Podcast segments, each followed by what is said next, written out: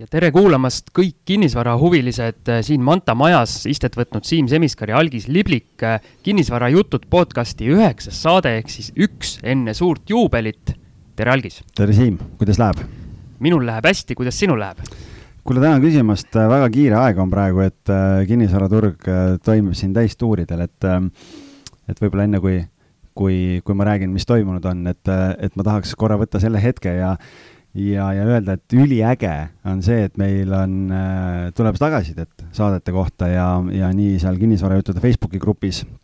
kui ka nii-öelda personaalseid kanaleid pidi inimesed kirjutavad ja helistavad ja ja, ja, ja tänavad ja minu meelest nagu kõige, kõige suuremat elevust minus endas tekitas eelmisel nädalal üks,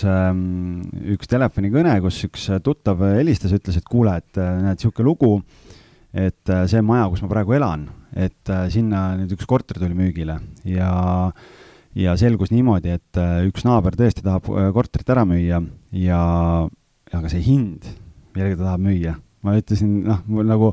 et, et ma ütlen, et, et ta kuskile ku, avalikku kuulutust üles ei pannud ja pani lihtsalt, ütles, et noh, et sellise hinnaga tahaks müüa, mis oli suurusjärk mingi tuhat kakssada eurot ruut, täielikku remonti vajav korter, on ju, ja, ja noh, kui ma seda piirkonda vaatasin, ma vaatasin, noh, et seal on umbes nii-öelda ostu-müügi vahe kuskil tuhat eurot ruudu kohta, kui ära teha remont. Ja, ja siis me arutasime neid teemasid, noh, et mida teha, kuidas teha, on ju, et noh, et tal on siin kodu, nii-öelda elab üürikorteris sisesamas majas, et kodu ostmiseks on raha kaasat- või noh, nii-öelda kogutud ja värgid, et noh, et äkki peaks ikkagi kodulaenuga ära ostma ja ja arutasime kõike seda teemat ja see oli parasjagu just see hetk oli, kui oli Kalle Aroniga saade tulnud meil ülesse ja, ja siis, siis ma vastasin talle ära õhtul hilja seal veel, vaatasin mingit turustatistikat ja natukene aitasin seal ja numbritega ja ja siis ta järgmine hommik kirjutab, et tead, ma et, et ma olen magamata, et ma kuulasin eile seda Kallega saadet ja ütles, et ma olen täiesti pöördes, on ju, et hommikul kell viis üleval, et peas vasardab mõte, et kuule, et me vist ikkagi ei tee flippi, on ju, et ikkagi vist peaks ikkagi rahavooks endale jätma ja nii edasi, et et see tekitab nii ägeda ja hea tunde, kui sa vaatad, et inimestel on reaalselt kasu sellest asjast, mida me nagu teeme, et et minu meelest nagu üli-üliäge, et ma tahtsin seda emotsiooni jagada lihtsalt, et väga kihvt. et Kalle Aroni saade ka selgelt meie nii-öelda rekordsaade on, et see erinevates kanalites üle tuhande kuulaja, kuulajani jõudnud, et ma arvan, alustava saate kohta päris head numbrid. ei, väga äge ja, ja tervitused siin Kadrile, nii et hoian pöialt äh, selles protsessis, nii et loodan, et pankadega asjad sujuvad ja, ja saate selle korteri ära ostetud. ja me Algisiga kindlasti julgustame kõiki, et kui teil on midagi nii-öelda tagasisidena meile öelda või küsida või mis iganes meelt avaldada, kas või öelda, et täitsa okei okay saade või siis öelda kas või tehke poisid paremini. absoluutselt, võtame kõik selle vastu, üritame võimalikult siis vastu tulla, kui vähegi saame. et ootame, ootame tagasisidet. ja igasugune konstruktiivne kriitika on alati teretulnud aga tulles nüüd teiste nii-öelda teemade juurde, siis, siis mul oli eelmisel nädalal üks väga õpetlik notaritehing, mida võib-olla hea nagu kuulajatega jagada, et noh, selles mõttes, et okei okay,, see on veel teatud, teatud aspektid on nagu maakleri tööga seotud, aga, aga siiski noh, et kui te endale maakleri võtate või või, või, või kui te nii-öelda oma kodu või investeerimisobjekti müüma hakkate, siis mida on nagu oluline teada, tegelikult on nii, et äh, et, et mul üks objekt oli müügis peaaegu viis kuud, keskline korter, suhteliselt uus maja, ütleme neliteist aastat tagasi ehitatud maja. Ja, ja ma ühes saates põgusalt olen puudutanud ka seda teemat, et küll neliteist aastat vana maja, aga neljakümne viie ruudusel korteri remondifond seitsekümmend viis eurot, sest seal on mingid puud-, noh, asjad vaja parandada majas ja kui me seda müüki alustasin, siis ma ütlesin müüjale, et tavaliselt läheb kuni kolm kuud, millega sa pead arvestama, kuna selle korteri remondifond on kõrgem, siis emotsionaalsel tasandil võib tekkida probleem, et see võib nii-öelda pikendada selle korteri müümist. ja, ja, ja kasutasin kõikvõimalikud tuled ja viled ära, mis erinevates portaalides, tasemeteenuseid, asju, Facebookis tasulised reklaamid äh,, mingid isegi seal mingite portaalide esileheküljed, kõik asjad, noh, ikka nagu kõvasti-kõvasti panin raha sinna sisse, et, et seda huvi hoida ja huvi oli väga kõrge selle korteri suhtes, et nagu väga palju, väga palju inimesi käis vaatamas. ja, ja kuigi ma nii-öelda, mida rohkem argumente tekib, siis ju ikka tekivad juba mingid vastused ja asjad ja, ja noh, lõpuks mul oli selle remondifondi lahenduse koha pealt olid juba plaan A, plaan B, plaan C juba, mida ma kõikidele huvilistele rääkisin, et kuidas seda nagu lahendada ja no ei lähe ja ei lähe ja ei lähe ja siis lõpuks äh, leidsime korterile ostja, noh, seal oli väga palju neid, kes tahtsid ilma pangata osta isegi, et korter oli seal sada, sada kolmkümmend viis tuhat, on ju, et, et noh, inimestel raha on. ja, ja lõpuks oli see, et, et, et siis äh, tuli broneering ja hakkasime paberimajandusega tegelema, sellepärast et äh, tegin küll eeltöö ära ja teadsin äh, seda, et, et, et ei ole seda õhksoojuspumpa, ei ole seal registris, aga kuidagi mul jäi piinlik tunnistada kahe silma vahele seda, et, et sauna ei olnud kirjas ja, ja mis siis selgus, oli see, et võtsime kõik vanad projektid ja asjad välja. müüja poolt oli mulle saadetud müügileping, kus oli kirjas, et arendaja aastal kaks tuhat kuus müüb korteri koos sauna ja nii-öelda jahutussüsteemiga. Ja mis projektist välja tuli? tegelikult sauna ei olnud projektis, nii-öelda paberite peal ei olnud, õhksoojuspunbast polnud ka mingit märki. Lisaks oli, oli Prantsuse rõdu plaanitud magamistuppa, seda ka ei olnud, on ju, ja, ja, ja noh, lihtsalt oli see, et ega noh, long story short, lasime omanikul, siis omanik maksis kinni, tellisime mõõdistamise ja, ja, ja asjad. Ja, ja siis selgus see, et kuna oli õhksoojuspump, siis oli vaja ka veel lisaks sellele, et oli lihtsalt mõõdistamine ja esitatud uue projekti, oli vaja ka auditit, et oli vaja nii-öelda selgeks teha, millal see õhksoojuspump on paigaldatud. Et, äh, et, et selline, selline lisaprotsess seal veel. Et, äh, kõik see pool sai tehtud, sellega kõik korras, lihtsalt äh, selleks ajaks, kuna Tallinna linn kinnitab kolmekümne päeva jooksul ära need asjad, siis notaritehinguks ei olnud veel asjad tehtud. Ja siis me leppisime kokku niimoodi, et notarilepingusse läks punkt kus teile ka, kui hakkate midagi ostma, et siis te teate, et selline võimalus on olemas, et ostja palve oli, et äh, ta tea-, noh, kuna me teadsime seda paberimajanduse kulu ja, aga tema ei saanud kuidagi kontrollida äh,, ma küll saatsin talle selle auditi ja erinevad asjad, aga ta ei saanud kontrollida seda protsessi, et, et kas need andmed on esitatud, millal need kinnitatakse, kõik need asjad, et sellel hetkel, kui tema korteri ostis äh,, ei olnud veel registris kandeid tehtud, siis notarilepingusse läks punkt Äh, kus äh, see summa, äh, mis on, puudutab seda paberimajandust, seda hoitakse nii kaua notari deposiidis, kuni need kanded on registris tehtud, et nüüd me hoiame kätt pulsil, et nii kui saavad andmed tehtud, siis ostja ja müüja teevad koos avalduse, mõlemapoolsed allkirjastatud, millega siis palutakse notarile, et ta kannaks selle raha müüjale välja. et see on nagu üks oluline õppetund sealt, teine oli see, et äh, minu klient elab Leedus ja temal oli võetud siis nii-öelda protsessi volitatud esindajana isa, äh, pensionärist isa, ja kes külvas kogu selle protsessi jooksul tohutut segadust ja, ja oleks võinud neile päris kalliks see asi maksma minna, sellepärast et äh, ühel hetkel tuli vaatama korterit üks klient, kes ütleb, et noh, et äh, et, äh, et ma siin vaatasin, et selle korteri kohta on portaalides on kaks kuulutust üleval. ütlesin, et mis mõttes kaks kuulutust et noh, et äh, teine kuulutus on veel ja see on kaks tuhat eurot odavama hinnaga kui, kui teie kuulutus. ma ütlesin, et okei okay,, et äh, ma pean kohe kontrollima ja oligi. ja mis selgus, oli see, et mul oli eksklusiivleping tehtud ähm, äh, siis omanikuga, aga omaniku isa siis tegi mingit omavoli seal, et kuna tema tahtis ka protsessis sees olla, aga mina suhtlesin tütrega kogu aeg ja andsin talle tagasisidet, kuidas huvilistega on ja mis seisud on ja nii edasi, aga temani info ei jõudnud, siis tema arvas, et ma tööd ei tee. ja siis ta võttis teise maakleri kõrvale ja teine maakler pani kaks tuhat eurot odavama hinnaga, on ju, et äh, ja, ja mul oli just tekkinud see huviline. ja see inimene küsis, et aga noh, et ma helistasin teile esimesena, aga see teine kuulutus tuli veel, et noh, et kaks tuhat eurot odavamalt ja siis mul oli vaja see olukord ära lahendada, öelda, et noh, praegu selle teise maakleri võtmisega esiteks on mul lepingus punktid, mida tähendab, kui te rikute lepingut, teiseks on see, et praegu teine huviline, kui ta tuleb nüüd kaks tuhat eurot odavamalt, et kes selle kaks tuhat eurot kinni maksab selle, noh, et te kaotate kaks tuhat eurot sellega praegu, nii, selle lahendasime ära, siis hakkame notarisse minema, siis äh, kui ma Siimule üks saade soovitasin, et teeme, või noh, et kui lähed, teed pakkumise, siis ütled, et ma maksan kõik tehingukulud, siis selle tehingu puhul läks vastupidi, et äh, müüja ei tahtnud enam hinnase järgi tulla, natukene tulime vastu tänu sellele kõrgele remondifondile, aga ütles, et rohkem ei taha minna, et müüja ettepanek oli, et okei okay,, see hind, aga müüja maksab kogu tehingukulu mitte ostja ei maksa, aga müüja, nii. siis ma selgitasin ära, ütlesin, et okei okay,, et noh, ma arutan äh, kliendiga läbi ja, aga ütlesin, et noh, et riigilõiv, see peaks ikka igal juhul teie enda jääma, sest kui te ostate endale korterit, siis riigilõivu maksmine on teie enda huvides, et see võimalikult kiiresti ära teha, sest seda kiiremini toimub kanne kinnistusraamatusse, et te saate omanikuks. nii, selles saime kokkuleppele, siis oli kõik kokku lepitud, äh, tegin kliendile arvutused ära, et kui palju tal see notaritasu ja kõik asjad maksma lähevad nii, ja siis, ähm, kui tuli üks päev enne tehingut, tuli notaris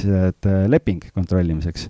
siis sekkus see volitatud esindaja isa, kes pidi järgmine päev tehingusse tulema, et oot-oot-oot-oot-oot, et noh, siin on nüüd küll mingi jama, et umbes, et äh, ei, et noh, et, et kuna ostja ostis ka pangalaenuga, siis äh, hüpoteegi seadmise kulu on üks osa tehingu kulust ja kuna ostja nõue oli, et kogu tehingu kulu, mitte ainult notaritasu mina, kõik oli kirjalikult kõik kirjutatud, nii edasi. isa muidugi oli aru saanud, et ainult notaritasu peab maksma. ütles, et mis mõttes meie ei maksa siin seda deposiit, seda hüpoteegi seadmise tasu ja nii edasi. küsimus oli mingi saja viiekümnes euros, jah ja, ja siis ma ütlesin, et äh, aga nii on kokku lepitud, mina olen teie tütrega kõik kooskõlastanud, kõik on kontrollitud, nii edasi, et ütles, et jah, aga mina tulen tehingusse ja mina allkirjastan ja kui mina ei ole nõus, siis ja tehingusse ei tule, siis jääb tehing ära. ma mõtlesin, et okei okay,, et noh, et mis ma siis ostjale ütlen, et kas tehing jääb ära või, või ei jää lõpuks tütar helistas, vabandas kõik asjad seal, noh, klattis seal isaga olukordi, et noh, ütleme, päris ärev olukord oli seal päev enne tehingut, et mul sellist tehingut nende aastate jooksul polegi olnud, aga väga oluline õppetund siit kõigile, et äh, kirjalikult kokku leppida, kes maksab, mille eest, et pärast ei tekiks mingeid emotsionaalseid äh, jamasid. meil oli see kõik tehtud, aga kuna oli volitatud esindaja mängus, kes äh, tahtis kõike kontrollida, siis tekkis asjatult furoori ja segadust ja emotsioone nagu väga palju väga huvitav ja pikk lugu oli. ja noh, ma räägin, et noh, mul värsked emotsioonid üleval on ju ja, ja, ja, eelmine nädal käisin kolm korda notaris ülejäänud kaks tehingut olid õnneks paremad, et saime kaheksateist korterit äh, kätte, mis siin klientidele sai kevadel ostetud ja nüüd praegu siin peaaegu kolmkümmend korterit korraga sisustamises, nii et äh, varsti läheb äh, andmiseks sa ikka paned ikka seal kümne, viieteist ja kaheksateist kaupa no, vaata, kui oleks enda omad, siis võiks nagu uhkust tunda, aga, aga noh, et see on nagu klientide, klientide vara, nii et, et see on natuke teine asi. aga tore ikka ju. ei, tore muidugi, sellepärast et, et, et noh, kinnisvara on, on alati tore, et ka klientide varaga toimetada ja, ja eriti veel need ära sisustada ja kui saab veel nii-öelda eesmärk täidetud nagu tootluse poole pealt ka või ületatud, noh, siis on veel nagu eriti hea tunne, nii et, et see töö seisab veel ees aga rääkides sellest kirjalikust kokkuleppimisest, siis mina nüüd olen äh, sinu äh, nõu või õpetussõnu juba kasutanud, et äh, kui on ka telefonis midagi kokku lepitud, siis mina alati saadan nii-öelda meili saadan üle, et asjad oleks nii, nagu sai kokku lepitud, sest tihti näiteks mul endal telefonis helistades juba mingi uus mõte tuleb peale või sa lõpetad kõne ära ja sul on mingi ärev hetk, et kui on kolm last kodus, siis neid ärevaid hetki tuleb nagu hästi-hästi palju. ja siis pärast hakkad mõtlema, et noh, et aga kas me ikka rääkisime täpselt niimoodi või hoopis teistmoodi ja siis hea on nii-öelda meil üle, üle kirjutada ikkagi. jaa, aga kuule, minu teemad on ju tegelikult sihuke piece of cake, ma saan aru, sinul on siin jälle inimestele jagada, et äh, portfell kasvab mühinal ja, ja sa oled jälle siin ühe objekti osas käed löönud, et äh, jaga rõõmu no hetkel äh, veel ma väga süviti ei läheks, et meie lindistamispäeval on nii kaugel asi, et mul on broneerimistasu makstud pangaga on kokku lepitud, kõik justkui nii-öelda eeltöö on tehtud, nüüd on vaja saada hindamisakt kätte selle korteri kohta ja siis ma arvan, kuskil meie lindistamispäevast paari nädala pärast saan juba jagada nii-öelda täpsemaid, täpsemat infot. väga äge, no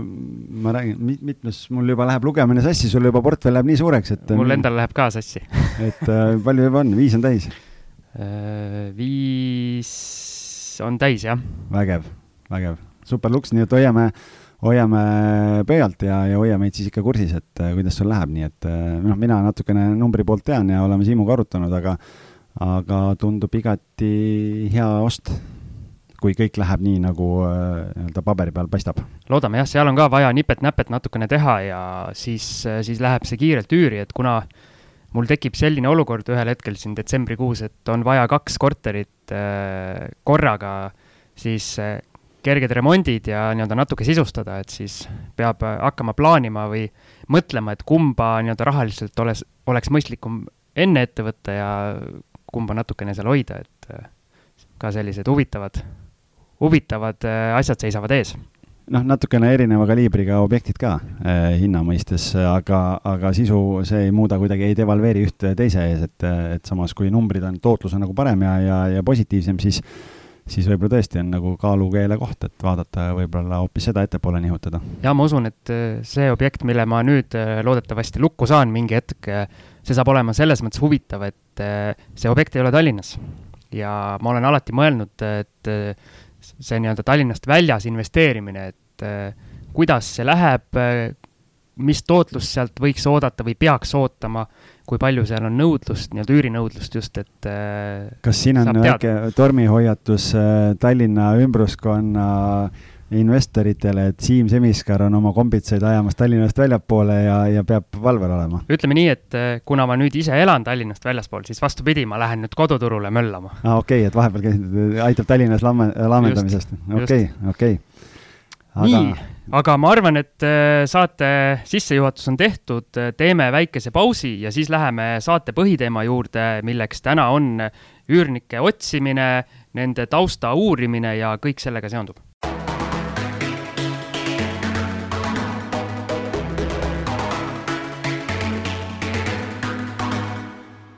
ja oleme väikeselt puhkepausilt tagasi. nagu eelnevalt öeldud sai, siis meie tänase saate teema on üürniku otsimine, leidmine, kuulutamine, siis äh, üürniku tausta uurimine ja kõik, mis sellega seondub. algisel taaskord ma pean kiitma väga-väga kuidas ma ütlen, tihe ettevalmistus on tehtud, äh, punktideks jaotatud kõik asjad, et hakkame otsast minema ja vaatame, kas me saame siin kahe tunniga hakkama. No ja, et siin teemasid on nii palju ja see on tegelikult ülioluline teema, sellepärast et, äh, et äh, sul võib olla ju maailma kõige parem korter aga kui üürnikuga nihu läheb, minul siis... ongi maailma kõige paremad korterid. no vot, absoluutselt, on ju, sul on need kõik, kõige need nunnud, on ju. aga, aga kui üürnikuga pekki läheb, noh, siis ei ole sellest korterist üksinda väga palju kasu, et, et sellepärast on, et kui, kui me nüüd oleme jõudnud sinnamaani selle protsessiga, et te olete oma korteri ära ostnud ja kõik on ilusasti tehtud, et mida nüüd siis peaks tegema ja kuidas tegema selleks, et, et see rahavoog ka ilusasti sealt jooksma hakkaks? ja esimene punkt ongi äh, pandud sul kirja selliselt, et kas hakata ise üürnikku otsima või kasutada maaklerit? noh, kui ära lugesid, mõtlesid kohe, et nüüd tuleb see kiidulaul, on ju, miks peaks maaklerit kasutama, aga ei, tegelikult ei, ei ole, et äh, lihtsalt arutame läbi need äh, erinevad äh, asjad, et, et noh, eks see on alati see koht ju, et, et, et kas sul on aega, viitsimist, teadmisi ja oskusi kõike seda teha aga, aga kui võib-olla nagu mõelda nüüd selle peale, jah, et mul on need korterivõtmed on käes, kõik on sisustatud äh, ja, ja sa oled ostnud sellise korteri, mitte nagu Siim, et ostab kohe üürnikuga juba, vaid et sul on vaja endal leida, et siis äh, mis siis teha, kust ma üldse hakkan otsima seda üürnikku? Siim, kust sina alustad tavaliselt, kui, kui on selline objekt, kus üürnikku sees ei ole? Äh, see on hea küsimus, mina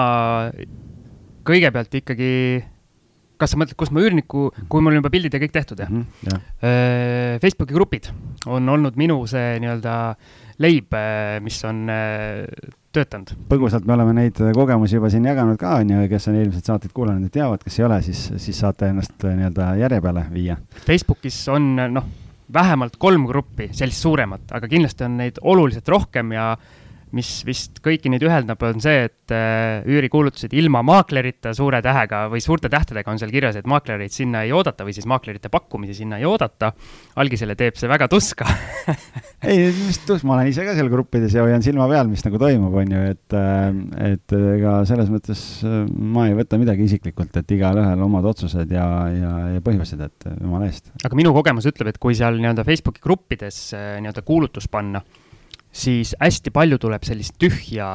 nii-öelda tühja kirjutatakse sulle, et mm. a la, ma vist siin saates olen ka rääkinud, et hästi palju tuli nii-öelda küsimusi, et kas koduloom on lubatud ja kui ma kirjutan ilusa pika vastuse, et noh, mis tingimustel on lubatud, siis eh, rohkem selle peale ühtegi vastust ei tulnud mm. -hmm, no. ehk siis ma justkui vastasin nagu üürnikule nii-öelda positiivselt, et jah, et on lubatud, aga sellistel tingimustel ja mitte midagi rohkem. aga kas äh, sina, kuidas on, kas äh, sinu arvates see nii-öelda sotsiaalmeediast piisab või, või peaks kasutama portaale ka? no mina panin portaali ka. ma panin Kinnisvara kakskümmend neli portaali, me oleme siin äh, ühes saates ka nii-öelda portaalide väikese võrdluse nii kuulutuste arvult kui ka hinnavõrdluse teinud. mina panin Kinnisvara kahtekümmend nelja puhtalt sellel põhjusel, et oli kõige odavam ja, ja sellepärast, et ma saaks selle portaali kuulutuse panna sinna gruppi mm. -hmm. jah, see on seal äh, nii-öelda noh, et kui, kui me tuleme tagasi selle juurde, kust seda üürnikku otsima hakata, siis jah, see ongi see, kuhu me jõuame, et ähm, et, et noh, mina maaklerina kasutan ju seda varianti, et ma panen portaalidesse kuulutused üles ja siis jagan linki ja, ja, ja äh, sotsiaalmeediasse. aga jah, seal gruppides väga palju kasutatakse seda varianti, kus, äh, millest Siim rääkis, et paned fotod ja paned kogu, sa saad selle info sinna ka juurde panna ja saab sealtkaudu otse kirjutada ja nii edasi et, et neid võimalusi on nagu erinevaid, aga, aga jah, ma ütlen nii, et mul on ka nii-öelda mõlema poole kogemused on olemas, kasutada ainult sotsiaalmeediat proovi mõistes kui, kui ka portaale ja ma ikkagi soovitan seda, et et vahet ei ole, kas noh, et kui te teete ise, et ma ikkagi soovitaks nagu panna vähemalt ühte portaali kuulutusi üles, sellepärast et et äh, ei taha kellelegi liiga teha, aga minu kogemus ikkagi näitab, et, et sealt ähm, portaalidest tuleb kvaliteetsem äh, kontakt, just seda tühja aja äh, raiskamist on vähem. ja, ja mis on teine pool, on veel, äh, mis ma alati välja toon, kui ma klientidega ka räägin, on see, et ma just vaatasin, eile tegin update'i ära, on ju, KV-d vaatasin näiteks, et, et kuna seal on kõige rohkem üürikuulutusi, et kogu Tallinnas kokku olid üle tuhande üheksasaja üürikuulutuse ja natuke, natuke üle kahesaja kahekümne oli otseomanikult, ehk et äh, täna on sisuliselt niisugune kümme kuni viisteist protsenti kuulutustest portaalides on otseomanikult, kui me paneme sinna sotsiaalmeedia juurde, kus, äh, kus siis omanikud ise otsivad, see on võib-olla niisugune paarkümmend protsenti. et tegelikult seda ei ole palju ja, ja noh, põhjus, miks äh, väga paljud omanikud ju ise äh, teevad, on see, et noh, siis on üürnikule soodsam, et, et on nii-öelda suurem huvi ja, ja võimalus valida. Me käime kõik need teemad täna läbi ka siin tegelikult, et kuidas seda kuidas seda äh, saab nii-öelda seda kulupoolt mitmeti vaadata ja mina maaklerina vaatan ühtemoodi, sina omanikuna teistmoodi ja tegelikult seal on see kuldne kesktee ka veel olemas. aga ma ütlen jah ikkagi, et, äh, et, et äh, portaal peaks kindlasti olema, et see on see soovitus nii-öelda. üks asi, mis mulle on silma jäänud olles seal Facebooki gruppides mitte aktiivse kuulutajana, vaid lihtsalt vaadates, noh, hea on jälgida, mis hinnaga mingeid, mingeid pakkumisi parasjagu turul on, siis äh, seal gruppides see kuulutuse kvaliteet tihti on minu meelest äärmiselt halb ja miks see halb on, on see, et hästi vähe on informatsiooni ja siis kirjutatakse juurde, et kui sa tahad lisainformatsiooni, siis kirjuta mulle eraldi. miks inimesed esiteks teevad endale lisatööd mm -hmm. ja teiseks, näiteks minusugune, nii-öelda minu tüpaaž, ma üldse ei hakkakski. skeptilisus kohe on ju. ma ei hakkaks üldse kirjutama, seepärast et äh, ma ei ole kindel, näiteks ongi ainult äh, ainult mingitest konkreetsetest tubadest on pilt, puudub maja välispilt, puudub võib-olla mingi köögist või mingist vannitoast pilt, ma, ma juba mõtlen, et miks need puudu on ja miks ma pean hakkama neid lisapilte manguma, vaata, inimese käest. ja et noh, et pane kogu info üles ja ma otsustan kohe ära, kas ma tahan, kui mul on huvi, siis ma kirjutan sulle tegelikult üks oluline asi on veel, mis räägib natukene minu meelest sotsiaalmeedia kahjuks. Needsamad Facebooki grupid, ähm, kus me sinuga mõlemad oleme ka, noh, seal on kolmkümmend tuhat, viiskümmend tuhat, ma ei tea, osad grupid on päris suured äh, inimest. aktiivseid koduotsijaid sealt on vähe ja siis on see, et sa, sul on korter, sul on, sa ise arvad, et see on, sinu nunnu on äh, kakskümmend viis eurot rohkem väärt kui ülejäänud selle piirkonna korterid, sa paned selle kuulutuse sinna üles ja siis hakkab tulema nalja teete või? nii, nihukest raha tahate saada sellise korteri eest ja siis läheb lahti see, see materdamine ja mahategemine ja tegelikult äh, see ei aita kaasa selle üürniku leidmisele ja sa pead tegelema selle negatiivse fooniga. küsimus on, et mis selle kõige eesmärk või point on nagu, et miks sa pead selle peale oma aega ja energiat raiskama? et seal on jah, mingid sarikommentaatorid ja kes käivad seal neid äh,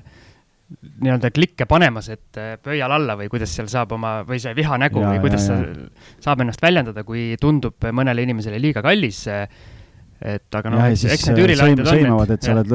liigkasuvõtjad ja. jah, lusikas suus sündinud ja asjad, noh, et nii edasi. hõbelusikas, mitte lihtsalt lusikas. noh, noh võib-olla on kullast isegi, et. jah, aga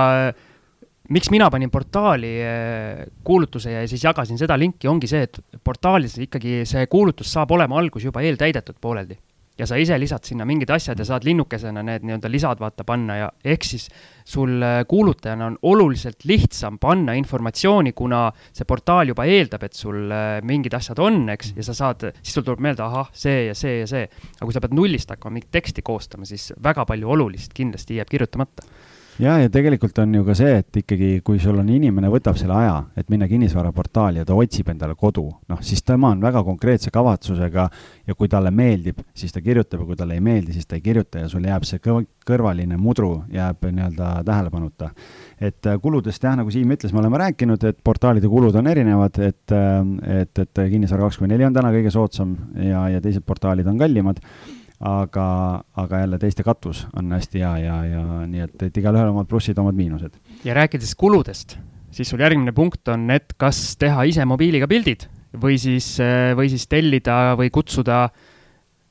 ärme siis ütle professionaalne fotograaf, aga inimene, kes jagab äh, nii-öelda fotograafia asja? ikkagi, ma ikkagi ütleks, et professionaalne fotograaf, et kui noh, et seal ongi see, et äh, nii-öelda noh, suhtumine on täna see, et aga mul on ta juba nii uus telefon ja uutel telefonidel on nii head kaamerad ja, ja kõik need asjad. ütlen vahele, mis ei ole tegelikult vale. ei ole vale, selles mõttes jaa, et äh, saabki väga häid pilte teha, aga, aga nii-öelda nii nagu on, ma ei tea, portreefotograafid äh, või, või, või ma ei tea, keegi teeb buduaari või mingeid asju, et noh, et igal, iga või spordifotograaf. või spordifotograaf istub siin üle laua, kes tabab väga ägedaid momente, on ju. Noh, kui mina läheks Siimu kõrvale pilti tegema spordivõistlustele, noh, sorry öö ja päev on ju, seal on väga suur vahe, et äh, kuidas tabada, kuidas, mis hetked, mis nurga alt, kõik need asjad, mis tehnika, mida sa kasutad pildistamiseks, et samamoodi on ju ka kinnisvarafotograafe täna päris palju turul, mina küll kasutan ühte-kahte, äh, kelle käekiri mulle väga meeldib, aga seal ongi see küsimus, et, äh, et äh, sa võid ise teha need pildid, aga noh, enamus kordadel see on ikkagi keskpärane valevalgustus, asjad äh, kuidagi paigast ära ei ole, ei tekita õiget ettekujutust sellest, ei saa aru, kuidas see planeering on ja kõik muud asjad sinna juurde. täna, kui sa, kui sul on kahetoaline korter täna Tallinnas, siis see fotograafi kulu on viiskümmend, kuuskümmend eurot. sa teed ühe korra need pildid, tellid ära, sul on nad olemas ja sa saad millal iganes uuesti kasutada, kui sul korteri seisukord väga palju ei muutu, et sa vahepeal remonti ei tee näiteks, on ju, et, et sul on uued pildid vaja teha et äh, mina igal juhul soovitan, et kui te hakkate otsima, siis äh, noh, just seesama asi, kui Tallinnas on peaaegu tuhat üheksasada, üle tuhande üheksasaja üürikuulutuse, kui te olete Tallinnas, noh, muudes piirkondades on see konkurents on väiksem, noh, võib-olla seal, seal, seal äh, on see nii-öelda olulisus võib-olla natuke madalam, aga kui sa tahad silma paista massi seest, siis äh, väga head pildid, ma ütlen, pildid on kuuskümmend, seitsekümmend protsenti kogu edu saladusest, sest kui sa võtad portaali lahti, paned omale need kahetoalise korteri, osa otsib asukoha järgi, osad ei otsi ja sul on seal sadu äh, nii-öelda konkureerivaid asju, siis üks asi on see, et mille põhjal see inimene valib. E, kui ta paneb hinnafiltri paika, siis on nagunii kõik sobiva hinnaga korterid tal, aga siis pilt on järgmine asi ja selle põhjal, kas ta tuleb üldse su kuulutust vaatama või ei tule olles igapäevaselt nii-öelda fotograafias tegev, siis see algise jutt on äh, puhas tõde. ja siinkohal äh, ütlengi kõigile kinnisvarajuttude kuulajatele, et äh, kes soovib endale korralikke pilte, siis võib täiesti minu poole pöörduda, kuna minu see kinnisvara huvi mingil hetkel alguse sai ja kuna ma fotograafias tegelen, siis äh, sukeldusin natuke ka nii-öelda kinnisvara fotograafiasse, kuigi ma igapäevaselt seda ei tee aga investoritel, kellel on vaja pilte teha, kutsuge mind kohale, räägime kinnisvarast, samal ajal teeme pildid ära, on selline kaks ühes, võib-olla annan veel nõu, et eh, mis, mis pilte seal nii-öelda peapildina võiks kuulutuses kasutada ja nii edasi, et eh, olen seda valdkonda ise nagu selles mõttes natukene uurinud ka, et kuna mul enda korteritel ka vaja ju on, on vaja olnud pilte teha ja kuulutusi üles panna olen ise Siimu kasutanud, julgen, julgen soovitada, nii et, et, et Siimu kontaktid leiate ka väga kergesti üles äh, igalt poolt sotsiaalmeediast, nii et, et, et noh, see foto, foto on hästi oluline ja, ja see ikkagi, kui sa mõtled, see viiskümmend, kuuskümmend eurot äh, võib-olla jah, tundub alguses, et issand jumal, mul on kolmesaja eurone korter, on ju, et mis see viiskümmend, kuuskümmend eurot, aga võib-olla see viiekümne, kuuekümne eurone teenus aitab sul küsida kolmesaja asemel kolmsada kakskümmend viis ja sul kahe aastaga need pildid tasa juba, et, et selles mõttes see on nii väike kulu, arvestades seda ja mida paremad pildid, seda atraktiivsem äh, kuulutus, seda suurem huvi, seda kvaliteetsemad üürnikud. sest fotograaf ei tee mitte seda objekti piltidel paremaks, vaid äh, ta näitab sellisena, mis ta suudab kõige paremal hetkel olla. aga kui sa teed ise pilte või nii-öelda ise tehtud mobiilipildid ja kus on kõik need nii-öelda nurgad moonutatud ja mis iganes, see esimese,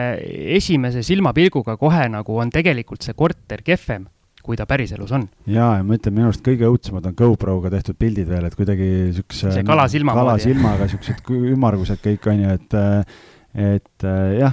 noh, aga see jälle näitab seda suhtumist, et kas sa tahad kiirelt mingit suvalist üürnikku sisse saada või sa tahad nagu, näitad ise ka, et sa, et sul endal on oluline ja, ja siis sa leiad selle hea üürniku ka, et ja pluss, mis on veel oluline, kui te Siimu näiteks võtate pildistama endale, siis on see, et fotograafid oskavad aidata suunata ka, kuule, näed, paneme sinna selle, selle lille, lillepoti sinna nurka ja nii edasi ja võtame need rätikud ära ja kõik need asjad, et tegelikult on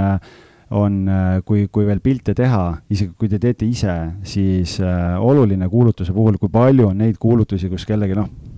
utreeritult öeldes, kellegi trussikud ripuvad, on ju, ja ja vannituba on asjadest üle kuhjatud ja mingid pesemata nõud on köögis, et äh, piltide pealt inimene peab nägema seda, kuidas tema hakkaks seal korteris elama, mitte seda, kuidas täna sina seal korteris elad. nali naljaks nendest trussikutest, äh, see võib olla naljakas, aga ma just, äh, just hiljuti vaatasin kuulutust, kus radika peal kuivasid sokid, nii et vot, et ja esimene asi, mida seda pilti vaadates sa näed, on need radika peal olevad sokid. korterit sa pärast seda enam ei näe. no just, et ja ma arvan, et see ei peaks olema see koht on ju nii, et ja osa on veel mingeid pilte, et ma ei tea Äh, kass on pildi peal või laps on pildi peal, ütleb, et laps ei tule korteriga kaasa, noh, jube äge nali on ju, aga tegelikult ei ole naljakas, sellepärast et see segab lihtsalt ja, ja tõmbab nagu tähelepanu ära, et. ja mina olen äh, oma nii-öelda üürile soovijate käest küsinud ka, et miks te, miks te tulite seda korterit vaatama või mis teid nagu tõmbas, et äh, ja enamasti esimese asjana öeldigi, et pildid jäid kohe silma ja siis on veel eriti hea, kui tullakse korterit vaatama ja öeldakse, et oh, et see on veel parem kui piltide peal. Jaa, et see on nagu hästi suur pluss ja tegelikult on ka see, et minu, minu, miks ma neid fotograafe kasutan, keda ma kasutan, ongi just sellepärast, et äh, ma ei taha kunagi üle pakkuda, et ma ei taha raisata enda ja inimeste aega, et inimene tuleks kohale, ütleks, et issand jumal, et päriselus see on ju kohutav, on ju, et nii head pildid on tehtud. et kui te pakute üle piltidega ja reaalne olukord on kehvem, siis see tegelikult petate inimesi ja see ei ole ka okei okay., et tegelikult seda piiri tuleb hoida aga, aga ütleme, et see valgustus ja kõik asjad on nagu nii olulised, et, et see on juba pool võitu, kui te teete professionaalsed pildid ära. kas enne kuulutuse ülespanemist eh, peaks nii-öelda läbi mõtlema, et millist üürnikku sa soovid, et mis su see sihtgrupp on, et eh, näiteks mingi ühetoalises väikses ühikus eh, on kindlasti üks, üks kontingent, keda püüda ja näiteks kolmetoalises suuremas korteris hoopis teine. No eks ta natukene paneb ise ka turg paika selle, et, äh, et, et kuigi jah, mul on ka olnud neid olukordi, kus mul on kahetoaline korter üürile anda, on ju, ja siis kirjutab mingi välismaa niisuguse mingi mm, Alžeeria või mingi sellise nimega inimene, ütleb, et noh, et me oleme seitsmeliikmeline perekond on ju, noh, aga siis ma ütlen, et aga kas te panite tähele, et see on kahetoaline korter, noh, et, et kuskilt läheb see piir, et, et ei saa, et see amortisatsioon ja kõik asjad on muidu nii suured ja, ja see ei ole nagu mõeldav, et võtab veel kolm kitse ka kaasa, on ju, ja siis nagu, aga, aga jah, et, et ütleme nii, et pigem võib-olla nagu äh, seal on nagu see, et kui sul on see objekt on olemas, siis äh, seal on nagu, ega sa ise ei vali, vaid pigem on ju kuulutuse tekst ja, ja see asukoht ja kõik asjad, et sa saad välja tuua need plussid, et ma ei tea sul on äh, spordiklubi terviserajad on jalutuskäigu kaugusel, noh, kõik, kõik see pool, et kui sa mõtled selle peale jah, et on mingi ühetoaline korter, kus äh, mikrokorter, inimesed tõenäoliselt autot ei oma, kuidas on ühistranspordiühendused, kõik, kõik see pool, et ma arvan, et pigem ikkagi inimesed vaatavad ise nagu selle järgi, et ega sul seal endal äh, lõpuks on see, et sa teed valiku ikkagi nii-öelda tausta ja, ja, ja selle inimese ja kõige selle põhjal, et noh, et äh, sinna me jõuame veel. et ma ise sinna seda kuidagi niimoodi ei lahterdaks väga. ma loodan, et meie kuulajatel keegi päris kitsedega üürima ei tule korterit, aga räägi ikkagi koduloomadest, et kuidas praegu turul see asi on, kas koduloomad on lubatud äh, või ei ole? tead, minu meelest on see tegelikult hästi nukker, on see, et äh, väga paljud omanikud, üks asi on koduloomad, et koduloomi ei luba, aga isegi nagu lastega peresid ei võeta, et noh, et nagu laps oleks mingi, ma ei tea, mis, mis äh, kohutav Brežnevi pakike on. kurjategija. jah, et, äh, et äh, ma ei tea, mul on nagu, ma olen kolme lapsega, Siimuga siin mõlemad, on ju, et äh, ma ei kujutaks ette, et keegi ütleb, et ei, et teil on lapsed, et ma ei üüri teile korterit, siis ma ütlen, et oled sa tontu inimene, et et äh, ja koduloomade koha pealt on niimoodi, et äh, tegelikult äh, koduloomadega on riskid ja ja, ja ma täiesti saan mingite korterite puhul aru, võib-olla, et kui on keegi tõesti väga mingi eksklusiivse, väga kalli korteri ostnud, disainmööblid, asjad on sees, noh, teistpidi on jälle see, et kui see inimene jaksab sellist korterit üürida, siis ta tõenäoliselt jaksab maksta sulle ka kahe kuu deposiidi, ehk mina olen tavaliselt omanikele öelnud, et kui sa niisama kardad, on ju, et ma ei tea, et see kass äkki ähm, tekit-, kraabib selle diivani ära ja, ja ühe kuu deposiit ei kata seda kulu ära, noh, küsime siis kahe kuu deposiidi. aga see jälle, et mida karmimaks sa paned need tingimused ja kriteeriumid, seda väiksem on sul potentsiaalne huvi ja teistpidi tegelikult, äh, kuna koduloomadega üürnikel on valikut turul täna vähe, siis see on tegelikult võib-olla just selline nii-öelda võimalus eristuda, et kui sa saad endale sellise koduloomaga,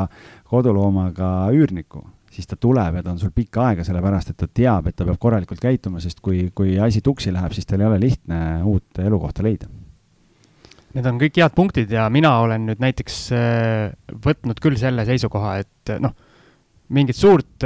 suurt, ma ei tea, kolmemeetrist koera ilmselt ei võeta korterisse, eks, aga no mõni hull võtab, sellisega võib-olla ei lubaks. aga nii-öelda väiksed koduloomad, ma arvan, et ei ole probleemi, aga mu küsimus on see, et kas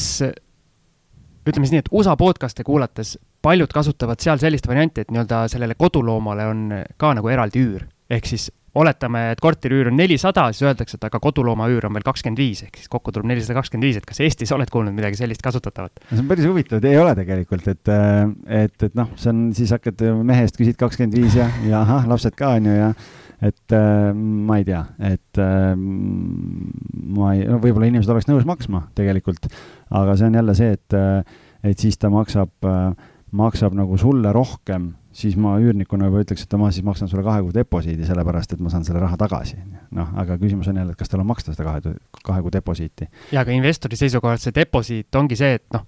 lõpus äh, sellega tekib ikka mingid jamad, kui on midagi nii-öelda katki läinud või vajab nii-öelda asendamist, siis ikkagi see on üsna niisugune keeruline olukord. aga kui iga kuu tiksub sul kakskümmend viis nagu nii-öelda kontole, see on nagu ei, ma selles mõttes ütlen, et äh, aga proovi kui sul tuleb näiteks ja anna meile tagasisidet, sellepärast et jah, ma nagu, ma võin muidugi ise ka proovida seda, et äh, ja, ja, ja see on täitsa huvitav point tegelikult selles mõttes, et võib-olla turg on valmis selleks, et äh, see on, vaata, kus tootlus tõuseks kohe jälle. ja kas ja miks peaks üürniku otsimiseks kasutama maakleri abi, et tuleme natuke sinna maakleri juurde tagasi siis noh, tead, sellega on nii, et, et see on ikkagi ju mugavusteenus, et täna on ju tegelikult seadus ütleb seda, et vahendustasu peaks maksma korteriomanik. turg on täna ennast reguleerinud teistpidi, mis tähendab seda, et vahendustasu maksab üürnik. mida see tähendab korteriomaniku jaoks, see tähendab seda, et äh, sisuliselt sinu jaoks on see tasuta teenus. maakler käib, kohtub, suhtleb teeb eelvaliku ära, näiteks minul on klientidega kokku lepitud äh, niimoodi, no sõltuvalt kliendist, mõne puhul on see, et ma valin äh,, kui on väga suur huvi, kaks-kolm kandidaati välja ja omanik siis teeb nii-öelda viimase vooru ise ja ütleb mulle, et selle võtame. aga veel enam levinud on see, et ta ütleb, et ma usaldan, kuna ma teen ju taustakontrollid, kõik asjad teen ära, et kui kõik on nagu korras ja vastab nendele kriteeriumitele, mis me oleme kokku leppinud, siis ma lihtsalt tulen kohale lepingut allkirjastama ja, ja teeme ära ja mul oli just kaks nädalat tagasi oli üks näide, kus isegi omanik ütles, et tead, ma usaldan ja, ja et äh, tee ära kogu protsess lõpuni, et ma ei hakka isegi kohale tulema. et, äh, et see sõltub natukene sellest, et kui hands-on keegi tahab olla, aga noh, siin on muidugi see, et äh, väga paljud üürnikud siin kisavad, et, et mis mõttes me nagu peab vahendustasu maksma ja nii edasi, tegelikult on, seadus sätestab ka seda, et kui üürnik on teadlik või nii-öelda inimene, kes soovib sinu korterit üürile võtta ja seda vahendab maakler, kui ta on teadlik sellest, et tema peab maksma vahendustasu, siis eh, noh, näiteks see tähendab seda, et kui, kui on üleval üürikuulutus, mida vahendab maakler, kus on kirjas, et lepingu sõlmimisel tuleb eh, maksta vahendustasu, kui inimene helistab selle kuulutuse peale või kirjutab, siis ta automaatselt aktsepteerib neid tingimusi ja seal ei ole isegi küsimust selle koha pealt, kumb selle vahendustasu maksma peaks. ja täna on üüri, eh, üüriturg ennast niipidi reguleerinud, et aga ma ütlen, et see on mugavusteenus, sellepärast et äh, meil on aega, kogemust, me tegeleme selliste teemadega iga päev ja kui sa siin aasta jooksul ostad ühe, kaks, kolm korterit ja sa igapäevaselt ei tegele, siis, siis tõenäoliselt on seal nendes tegevuste kvaliteedis lihtsalt vahe sees. muud ei olegi, aga, aga noh, ma ütlen, et see on nii-öelda vajaduspõhine teenus ju. mina luban, et sel hetkel, kui me selle saate kunagi peaks ära lõpetama, siis mina enam ise, nii-öelda ise üürnikke ka otsimas ei käi, annan algisele selle töö, aga seni, kuna mul oleks mida mida siin algisele vastu saates rääkida, siis, siis tuleb ise teha. ja ei, loomulikult, et mul tööd jagub, nii et selles mõttes, et ega nothing personal, et äh, peaasi, et sul kõik hästi läheks sellega, et äh,. absoluutselt. ja et Aga naine, ainult... naine ja lapsed kodus ei kurdaks. siis on ainult ennast kiruda, kui midagi halvasti läheb. aga räägime natuke sellest tootluse maksimeerimisest, et äh, mismoodi saada oma üürikorterist välja maksimaalne tootlus noh, siin jah, tegelikult see on nüüd see hinnastamise küsimus, on ju, et, et noh, hakkame ikka põhilisest pihta, et kõigepealt tuleb osta õige korter õigesse kohta, et, et see eeltöö, sellest me oleme rääkinud, et, et kuidas seda poolt teha. aga, ja, ja, ja noh, tegelikult seda juba mainisin ka, et fotod, kuuskümmend, seitsekümmend protsenti, et, et kui sul on head fotod, siis sa saad võib-olla küsida natukene rohkem. ja sa oma... saad vähemalt inimese kohale. jah, et, et sul on see huvi, et nad tulevad kohale ja, ja see annab nagu teatud mõttes võib-olla emotsionaalse õiguse küsida siis natukene kõrgemat üüri kui mõne teisel korteril, iseasi lõpuks siis äh, seal on jälle ka see koht, et äh, et on nagu kaks erinevat strateegiat. et üks ongi see, et noh, et kas sa lähed nii-öelda maksimumhinda püüdma või sa lähed, paned reaalse turuhinna ja, ja siis äh, on suurem huvi. et seal on nagu kahtepidi ja see sõltub ka jälle sellest, et kuidas need numbrid on endale arvestatud et noh, kui mõni, kui mul on mõni selline klient olnud, kes ütleb, et ta, ma tean, et viis sotti on turuhind, aga ma tahan kuus sotti saada, noh, alla selle ma ei ole nõus. siis ma ütlen, okei okay,, et aga sa pead arvestama sellega, et mõtle nüüd, et kui sul näiteks kuu aega on korter tühi, sellepärast, et sa tahad turu keskmisest reaalsest hinnast kõrgemat saada, sada eurot korda kaksteist kuud on tuhat kakssada on ju, või noh, ütleme, vahet ei ole, ütleme, et see on mingi teine, et viissada versus viissada viiskümmend, et sul on viiskümmend eurot, on noh, see on äh, kui sul üks kuu on tühi, siis see on põhimõtteliselt nagu, vaatad nagu tootlust korra, et kas sa võtad viiskümmend eurot odavama hinnaga kohe sisse üürniku või sul on viiskümmend eurot kallim hinna kuu aega tühi, aasta tulemus on sama. et selles mõttes ei ole alati mõtet nagu pilli lõhki ajada ja eriti vist ja. siis, kui, kui korteril on veel pangalaen peal, et kommunaale sa maksad niikuinii selle tühja korteri eest ja kui on veel pangalaen ka vaja terve kuu maksta. jah, et sa maksad see, et... oma taskust seda ju, no just, et siis tõmbab võib-olla rihma eriti koomale veel, et sellepärast on nii-öelda äh, jah, sõltub nagu sellest, et, et kui kõvasti see nii-öelda ora tagumikus on, et kui kiire sul äh, selle üürniku leidmisega on, et sellest tulenevalt tuleks see hinnastrateegia ka valida, aga, aga ma ütlen, et on, mõlemad variandid on võimalikud, lihtsalt ühel juhul võib-olla ootad kauem ja saadki selle kallima üürniku, aga see ei tähenda sulle seda, et see kahe-kolme aasta perspektiivis tootlus tegelikult kõrgem on, sest kui aasta pärast see üürnik vahetub, hakkad jälle samamoodi otsast peale. aga nüüd, kui meil strateegiad ja kõik asjad on valitud äh,, eeltöö ja korteri näitamine, et äh, oletame, kuulutused on üleval, esimesed üürnikud on juba nii-öelda korteris, mismoodi siis käituda? noh, tegelikult võib-olla isegi võtaks korra sammu veel tagasi, et, äh, et et äh, kui neid huvilisi hakkab tekkima, et kas siis peaks kõigiga kokku leppima kohtumise või peaks tegema mingi eelselektsiooni ära, et me siin tegelikult äh, oleme sinuga ju arutanud siin eelnevalt ka seda, et, äh, et, et noh, mingitel hetkedel, kui mingi korteri vastu on väga suur huvi, siis ei ole mõtet kõiki kohale ajada, sest eriti see puudutab just Facebooki kaudu neid kontakte, sest et kõik ei ole tõsised, osad on sellised shoppajad, käivad vaatamas ja uudistamas ja tegelikult lihtsalt nagu nii-öelda väga tõsiselt äh, midagi ei otsusta. et mina ütlen nii, et äh, kui on väga palju huvilisi, kui on, kui, kuidas ma ise teen, kui on väike huvi, siis ma kohtun kõigiga ära. Ähm, ja kui on palju huvi, siis ma ikkagi läheb kolm-neli-viis küsimust enne välja ja kui sealt tulevad vastused ja need vastused on nii-öelda ammendavad siis ma lepin inimesega kohtumise kokku, et teha see eelselektsioon ära, et lihtsalt mitte enda ja inimeste aega raisata. mina olen selle reha otsa natukene astunud, et me siin ühes saates rääkisime ka, kui ma andsin korterit välja, siis äh, minul tuli ka inimesi, kes äh, sisuliselt kuni viimase hetkeni ei teadnud, kuhu nad täpselt või mida nad täpselt tulevad vaatama, ehk siis äh, täiesti teisi linna otsa tulid, kui nad reaalselt, jaa, kui nad reaalselt tahtsid, et kuna lihtsalt mees saatis korterit vaatama, ütles, et mine vaata üle ja siis oldi kolm sekundit ja pöörati sama, sama teed tagasi ehk siis see on ju nii-öelda aja raiskamine kõigi jaoks. ei no muidugi noh, et äh, sellepärast äh, tasub ikkagi jah, see eeltöö nagu ära teha, kui võimalik, aga noh, samas kui sul on, lähed seda kallimat strateegiat tegema ja, ja sul ongi seal võib-olla, ma ei tea, paari nädala jooksul üks huviline, noh, ja sa hakkad seal veel tohutut eeltööd tegema, et võib-olla ta tuleb kohale, ta täpselt ei tea ka, on ju, et äh, võib-olla sa kohapeal suudad selle ilusa korteriga tekitada selle emotsiooni, et ta, et ta tahab seda üürida ja, ja saadki selle nii-öelda kuldkalakese kätte. aga räägi, kuidas sina nüüd teed, et kas sa kutsud kõik huvilised üksinda vaatama või sa teed nii-öelda kliendipäeva, et mingid nii-öelda avatud uste päev, et paari tunni jooksul kõik käivad ära või? no see sõltub jälle sellest huvist, et noh, et, et ma ikkagi maaklerina väga palju ütleme, nii müügi kui üüri puhul üritan ka kliendist lähtuvalt ju kokku leppida, sest inimeste võimalused korterit vaatama tulla on erinevad, et mõni saab õhtuti, teine ei saa õhtuti üldse, on ju, et on kuidagi graafikuga töö. Aga kui on suurem huvi jah, siis on ikkagi see, et on nii-öelda kliendipäev või, või noh, mingi tund või kaks, sõltuvalt kui suur huvi on ja siis seal selline viieteist, kahekümne minutiliste intervallidega nii-öelda lepin ajad kokku ja ütlengi inimestele, ütlen ka kohe, et äh, palju huvilisi, et lihtsalt ongi selline, selline aeg, et, et siis arvestage, et noh, et ma kahjuks üle viieteist minuti ei saa teile seda korterit näidata. aga oled sa kunagi teinud nii ka, et äh, mitu huvilist nagu korraga samal ajal on sul ees? Äh, olen proovinud seda ka äh,, ma ei ütleks, et sealt mingit erilist tulemust on tulnud, aga ma tean, et äh, seda on proovitud ja kui sul satuvad õiged inimesed, siis inglise keeles on selline lühend nagu FOMO fear of missing out, on ju, ehk et see tähendab seda, et kui tuleb nii palju inimesi korraga, siis vaatad oi-oi-oi, et ma jään ilma. Ja osad nii-öelda äh, teadlikud inimesed ka on ka kasutanud, üürnikud, kui nad ei taha korterist ilma jääda, on kasutanud seda strateegiat, et võtavad äh, noh, nii nagu korteri ostmisel, et sul on cash on taskus ja lähed ja lükkad lauale, ütled, näed, kolme kuu deposiit või kahe kuu deposiit, on ju, või kolme kuu üür. et ma maksan sulle kohe ära ja davai, teeme lepingu ära, et nii-öelda saada see saa-, jalg ukse vahele juba oled sa kuulnud sellisest strateegiast, mis mul praegu pähe kargas, et äh, omanik hakkab üürile andma ja siis võtab ühe sõbra, kes äh, nii-öelda näitlejana mängib ka ühte huvilist ja siis on äh, nii-öelda teiste huvilistega koos ja siis räägib, oo, et ma vist ikka võtan ära ja siis teistel tekib see FOMO.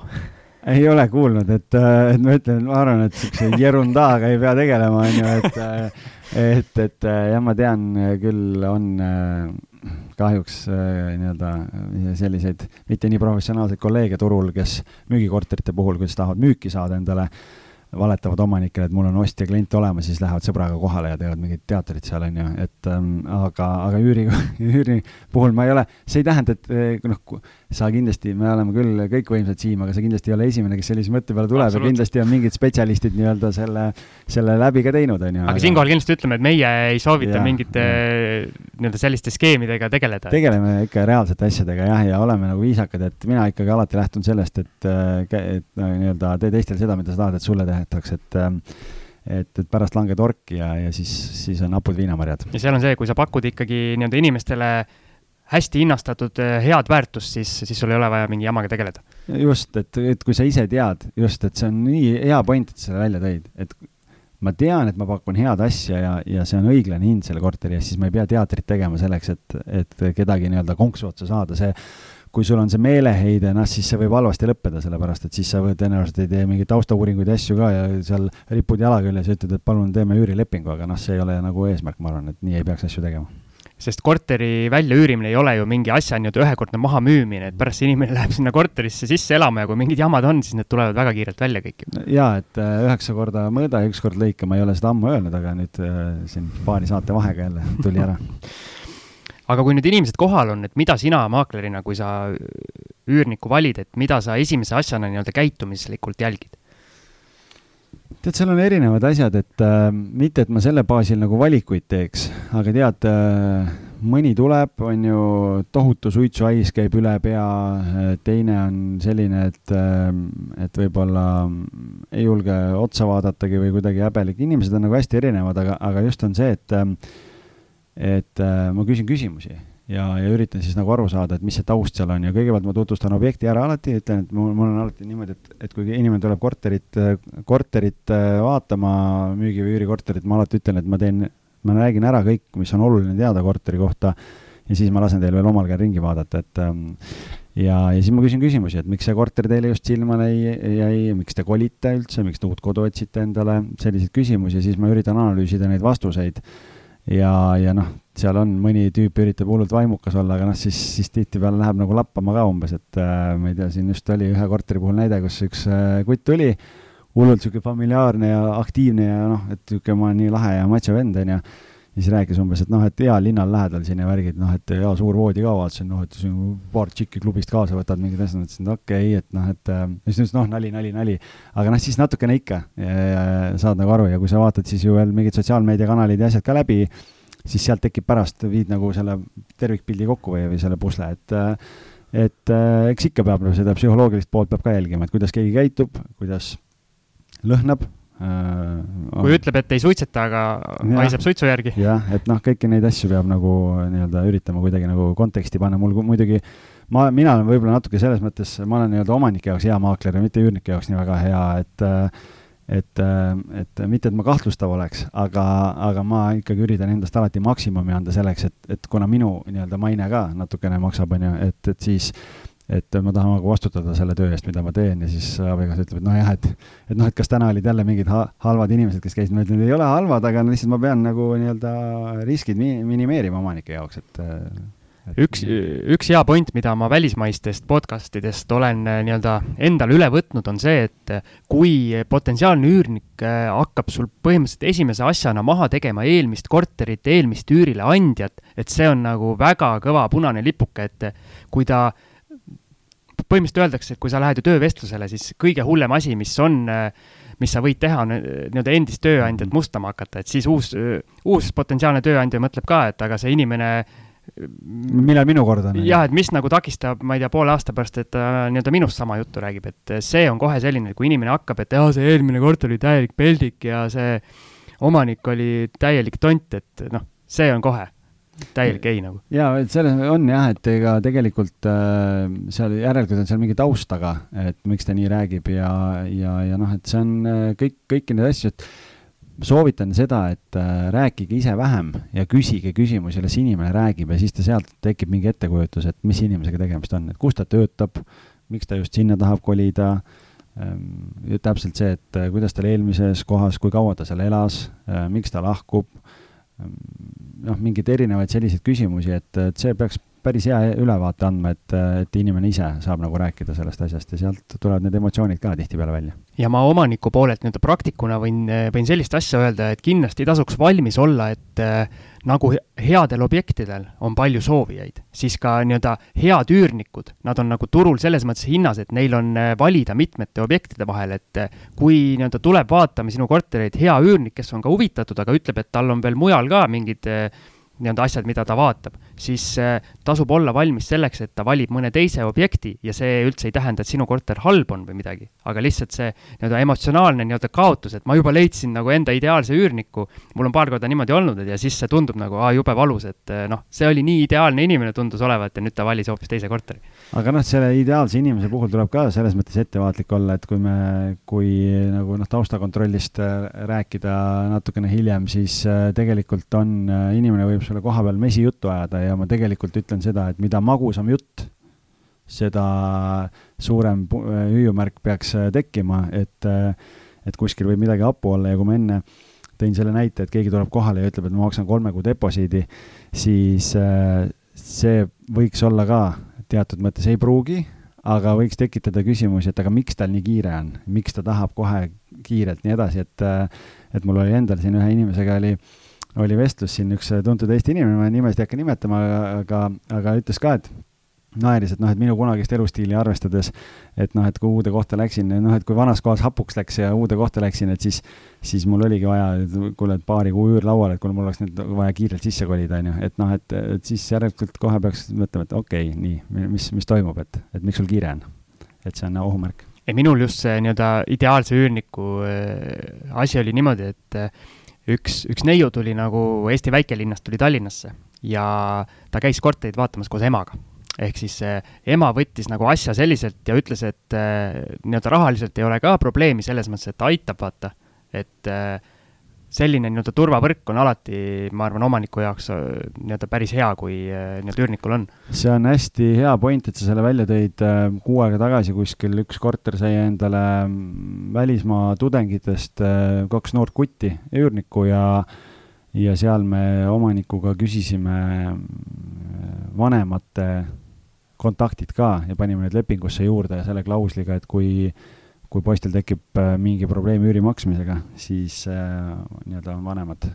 vanemad, kellega saab ühendust võtta ja, ja see tihtipeale distsiplineerib päris hästi. räägi natukese välismaalased versus kohalikud, et minul on käinud äh, nii-öelda välismaalased vaatamas, aga mul ühtegi üürnikku ei ole olnud äh, välismaalast, et äh, mida seal nagu eraldi tähele peaks panema tead, ma ütlen nii, et ega see noh, välismaalasel ja välismaalasel on ju ka vahe, on ju, et on, aga ma ütlen, et mulle tundub, et sinna nagu tihtipeale võib-olla nagu sellist negatiivset varjundit just äh, liiga palju pandud ja see sõltub tõenäoliselt ka muidugi sellest, millise hinnaklassiga korter on, aga aga noh, kui on sellised kolmesaja, neljasaja eurosed, siis, siis on sellist äh, sellist äh, kullerit ja, ja, ja võib-olla sellist nii-öelda rahvast nagu rohkem kuskilt välismaa nimedega kui on kallimad korterid, tulevad mingid IT-spetsialistid, asjad, ma ei ütleks, et seal ei ole selles mõttes nii suurt nagu vahet, et kõik taandub ikkagi jälle nagu inimesele. ja välismaalaste puhul lihtsalt, mida ma soovitaks, on, on nii-öelda tööandja kontakti küsida, et on see, see võimalus, et kui inimesel tekib probleem maksmisega, et siis saab tööandjaga ühendust võtta ja, ja rääkida ära selle olukorra, mitte et see alati aitaks aga, aga noh, ütleme nii, et ega taustakontrolli on raskem teha välismaalaste kohta, sest infot liiga palju ei ole, aga seal tuleb siis hästi palju hinnata selle inimese põhjal ja, ja aga ma ütleks, et äh, kui Brasiiliast tuleb siia mingi inimene ähm, elama või tööle ja ta siin kaks-kolm aastat elanud, ütles, et, ütleb, et talle siin väga meeldib ja ta ei taha enam Brasiiliasse mitte kunagi tagasi minna, siis miks see inimene on halvem kui Mati, kes äh, käib sul kuskil äh, lähedal tööl ja, ja, ja teenib samasugust või vähem raha kui see välismaalane. Mati tahaks küll Brasiiliasse minna. jah, tema tahaks võib-olla sinna just vastupidi minna jah, nii et, äh, et ma, ma liiga suurt tonti seal nagu ei, ei vaataks. aga teeme siia veel väikese pausi ja siis kihutame saate lõpuni edasi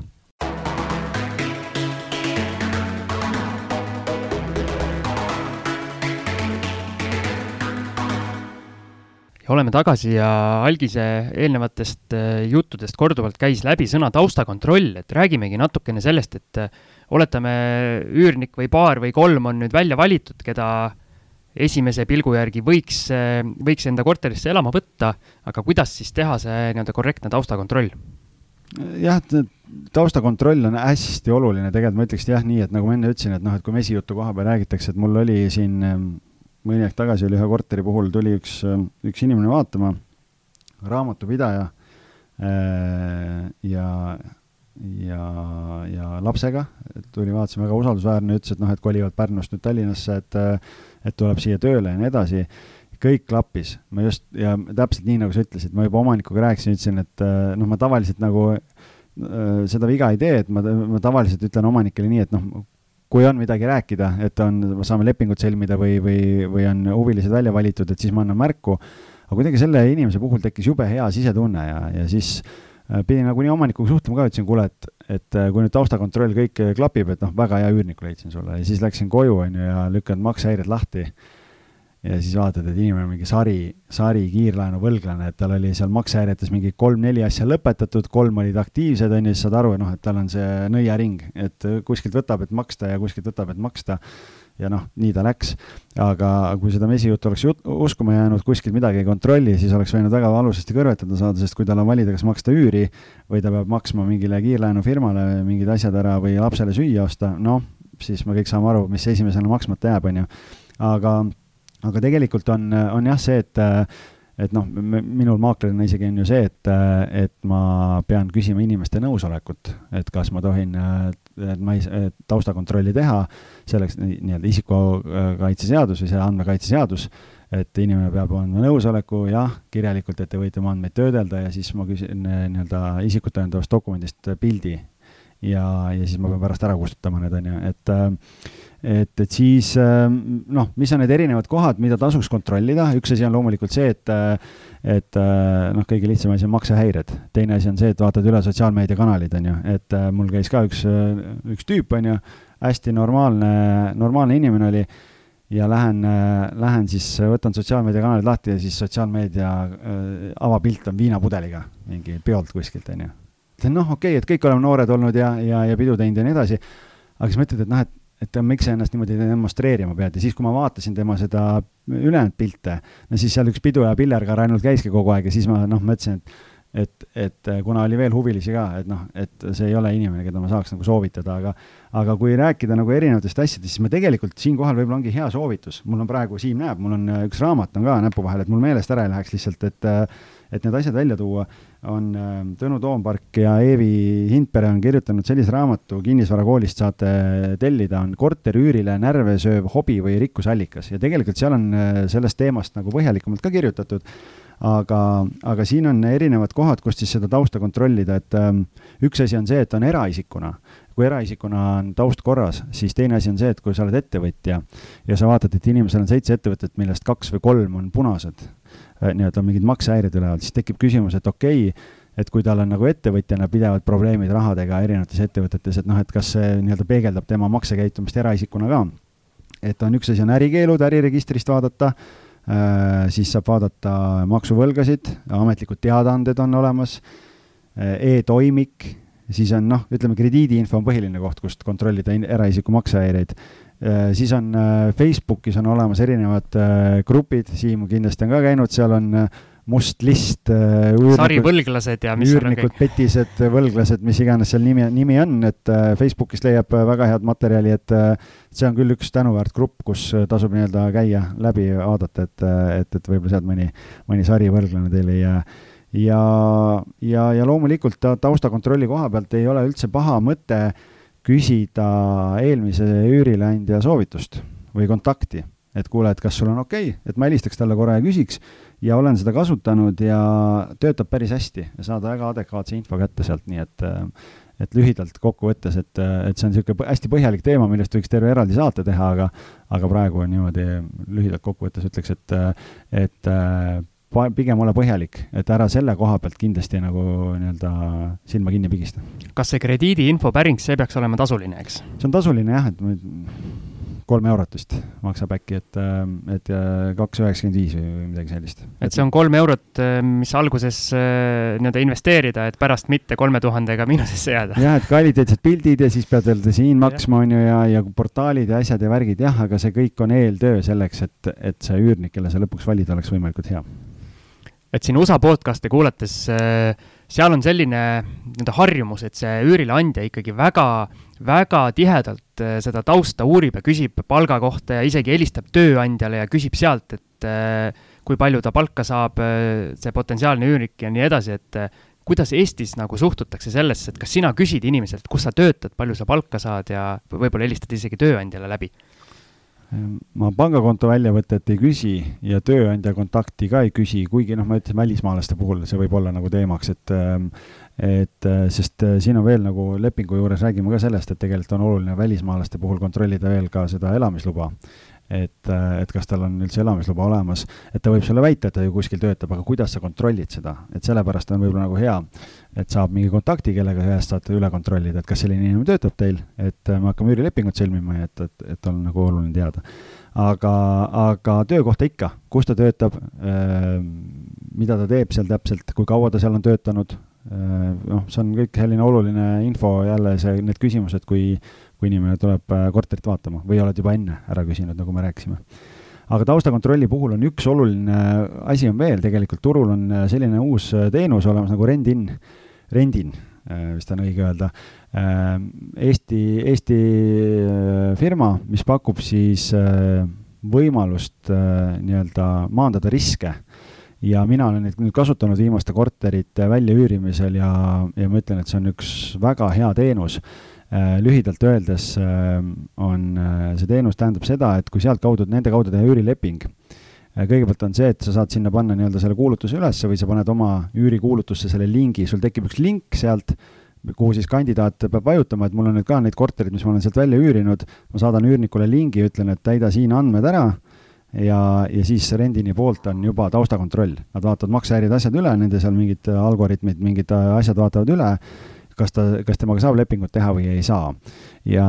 ja see on selles mõttes mõlemale poolele nagu hea, nii üürnikule kui üürileandjale. üürnikule rendini kaudu leping tehes, see tähendab seda, et ta ei pea maksma sulle tagatisraha omanikuna, ta maksab ainult ühe kuu üüri sulle ja tagatisraha ei maksa kogu üürilepingu perioodi vältel, ta maksab kaks pool protsenti teenustasu üürikuu, üürisummast, et kui on neljasaja eurone korter, siis kümme eurot iga kuu ta maksab, see annab temale vastutuskindlustuse rendinil on äh, Ergo kindlustusega on kindlustus, et kui ta midagi ära lõhub korteris või midagi juhtub, siis, siis kindlustus katab. Ja see annab omanikule kindlustuse, et kui üürniku sissetulekuga peaks midagi juhtuma, siis nad katavad kuni kolme kuu ulatuses ehk tähtajatu lepingu ulatuses, katavad üürimaksed ära ja, ja, ja nii, et see on nagu väga-väga hea teenus, et ja mulle maaklerina on see tänuväärt tööriist ka sellepärast, et esiteks on see, et jah, seal taustakontrolli teeb ära, kuigi ma teen ise täiendavalt veel juurde, see on professionaalne kretinism, on ju. Äh,, aga kui muidu on see argument, et maaklerite kasutamine on kallis ja selle võrra on väi-, vähem huvilisi korteritel, siis kui Siim äh, üürib korterit välja, võtab ühe kuu üüri ja võtab sinna tagatisraha juurde, ja mina kasutan Rendin platvormi ja ta maksab vahendustasu ja ühe kuu üüri, siis see summa summarum teeb sama välja. lihtsalt on see, et, et, et nii-öelda mul on nagu inimestele lihtsam nii-öelda maha müüa seda ideed ka, sellepärast et kulu väga palju juurde ei teki, nii et soovitan rendini kohta kindlasti uurida, et see on väga niisugune hea uus teenus ja, ja kes ei viitsi või ei taha ise taustakontrolli teha, siis sealt teha, teeb masin teie eest selle ära. meil järgmise punktina on siin kirjas äh, lepingu sõlmimise punktid, aga meil hullult äh, aeg pressib takka ja meil äh, Kuldse Game'i võrkpalli podcasti suured-suured mehed ootavad ukse taga, et käid äkki algis kiirelt üle need lepingu põhipunktid, aga ma arvan, meil on plaanis teha üks saade ka konkreetselt üürilepingutest, et äh, see on, see on selline teema, mis vajab kindlasti süvitsi minemist. ja see vajab kindlasti süvitsi minemist, sest ma olen nii palju näinud erinevaid lepinguid, mida omanikud on ise teinud ja siis hoiad kahe käega peast kinni ja vaatad, et äh, et äh, kõigepealt, kui te hakkate üürnikuga lepingut sõlmima, siis tasub nagu läbi mõelda see, et kas teha tähtajaline või tähtajatu leping. täna on, kui üldse nii-öelda rääkida, siis äh, siis äh, üürisuhet reguleerib äh, võlaõigusseaduse äh, viieteistkümnes peatükk, ähm, kus on kõik asjad, on kirjas, et kuidas, kuidas need üürilepingute mingid erinevad punktid on, et ei ole mõtet ise tegevust teha, et kui te mingeid punkte muudate ja, ja need punktid, muudetud punktid on üürniku kahjuks, siis see on automaatselt õigustühine punkt kohe noh, kõige suurem asi, kus muudetakse, on äh, lepingu lõpetamise teatamise tähtaeg. võlaõigusseadus sätestab tähtajalise lepingu puhul on võimalus lepingut üles öelda ühekuulise etteteatamisega, aga see peab olema väga mõjuv põhjus, force majeure ja kui üks osapool ei ole nõus, siis seda teha ei saa. Äh, ja, ja tähtajatu lepingu puhul on kolm kuud, ükskõik millisel põhjusel kumbki osapool võib siis selle lõpetada, et äh, ja kui neid tähtaegu muudetakse nii, et see on üürniku jaoks kahjulikum, siis see on õigustühine punkt lepingus. siis äh, üks oluline asi, mida teada näiteks on see, et, äh, et kui Mati tuleb oma elukaaslasega äh, korterit vaatama ja tahab korterit üürida, siis elukaaslane ei ole perekonnaliige ehk et tema ei kvalifitseeru sinna nii-öelda, noh, tavaliselt on lepingus see punkt, et võib majutada abikaasat, lapsi ja, ja vanemaid, et elukaaslane sinna alla ei kuulu, et kui tulevad inimesed, kes ei ole abielus, siis peaks mõlemad inimesed panema lepingu osapooleks, et oleks korrektne Äh, siis äh, noh, ütleme kummagi lepingu puhul on üüri tõstmise punktid on erinevad, aga ma täna sinna nagu ei läheks võib-olla, et see on nii põhjalik ja, ja pikem teema, et siit ei saa nagu üle, üle vuristada. Aga, aga oluline on lihtsalt lühidalt teada seda, et tähtajatu lepingu puhul saab äh, tõsta üüri iga kuue kuu tagant ja tähtajalise lepingu puhul saab tõsta üüri siis korra aastas, kui leping on sõlmitud vähemalt kolmeks aastaks võlaõigusseaduse muudatused on täna tegelikult Riigikogus Äh, lugemisel, nii et, et seal selles osas peaks tulema muudatusi, aga, aga praegu on nii. ja üks oluline punkt veel, tagatisrahast rääkisime Rendini puhul juba, aga äh,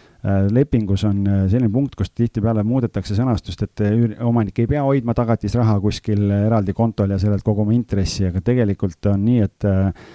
tagatisraha peab üürileandja hoiustama krediidiasutuses oma varast eraldi vähemalt kohaliku keskmise intressiga intress kuulub üürnikule ja suurendab tagatisraha. teisiti sõnastada ei tohi ja see on automaatselt üürniku kahjuks ja õigustühine. täna on lihtsalt asi selles, et ega keegi väga seda ei kasuta või, või, või nii-öelda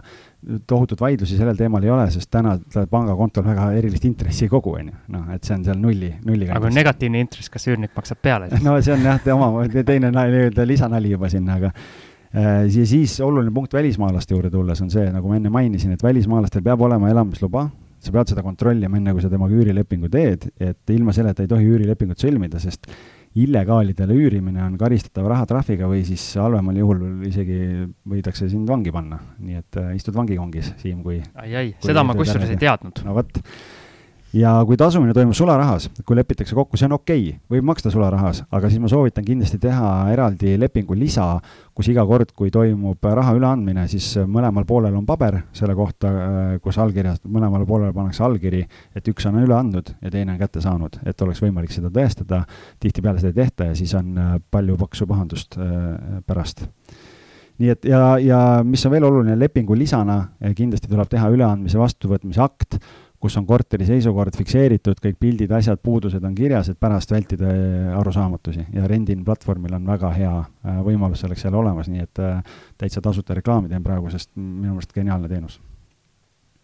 aga lõpetuseks ma ikkagi küsin hästi konkreetse küsimuse, kas tähtajaline või tähtajatu leping? mina soovitan alati tähtajatut äh, lepingut selle, just selle põhjusel, et jah, mõlemal poolel on küll alati inimene, aga siis võib ükskõik millisel põhjusel lepingu kumbki pool üles öelda ja jäävad igasugused emotsionaalsed vaidlused ära. Nende teemade juurde me kindlasti tuleme veel tulevastes saadetes tagasi, eriti see üürilepingu osa, et siin paljud inimesed lähevad alt Äh, ja endalgi mitmeid punkte, mis vajaks ülerääkimist, kutsume ehk mõne eksperdi stuudiosse. aga rääkides külalistest, siis järgmises saates on juubelisaade, juubelisaade, saame kümne aasta kümneaastaseks kümneseks, saame kümneseks ja seda me ei tähista mitte vaid kahekesi, vaid vähe lõbusamalt. meil on planeeritud äh, üks väga äge külaline, kellega on äh, paljustki rääkida ja see saab olema taas üks väga äge saade. meil ainult ägedad külalised käivadki. absoluutselt aga aitäh, Siim, sulle, et äh, oli kõva vuristamine täna, aga loodan, et, äh, et siit äh, mingit kasu sai ja soovitan igal juhul, äh, et äh, üürnike puhul lugege ja uurige äh, lisaks, et see on hästi-hästi oluline teema. ja, ja mina tänan sind, Algis, et sa jälle väga hea nii-öelda ettevaatava eeltöö tegid ja ma arvan, et nüüd peame spordimehed stuudiosse laskma ja vaatame, et meid siin väga ei rapita. olge mõnusad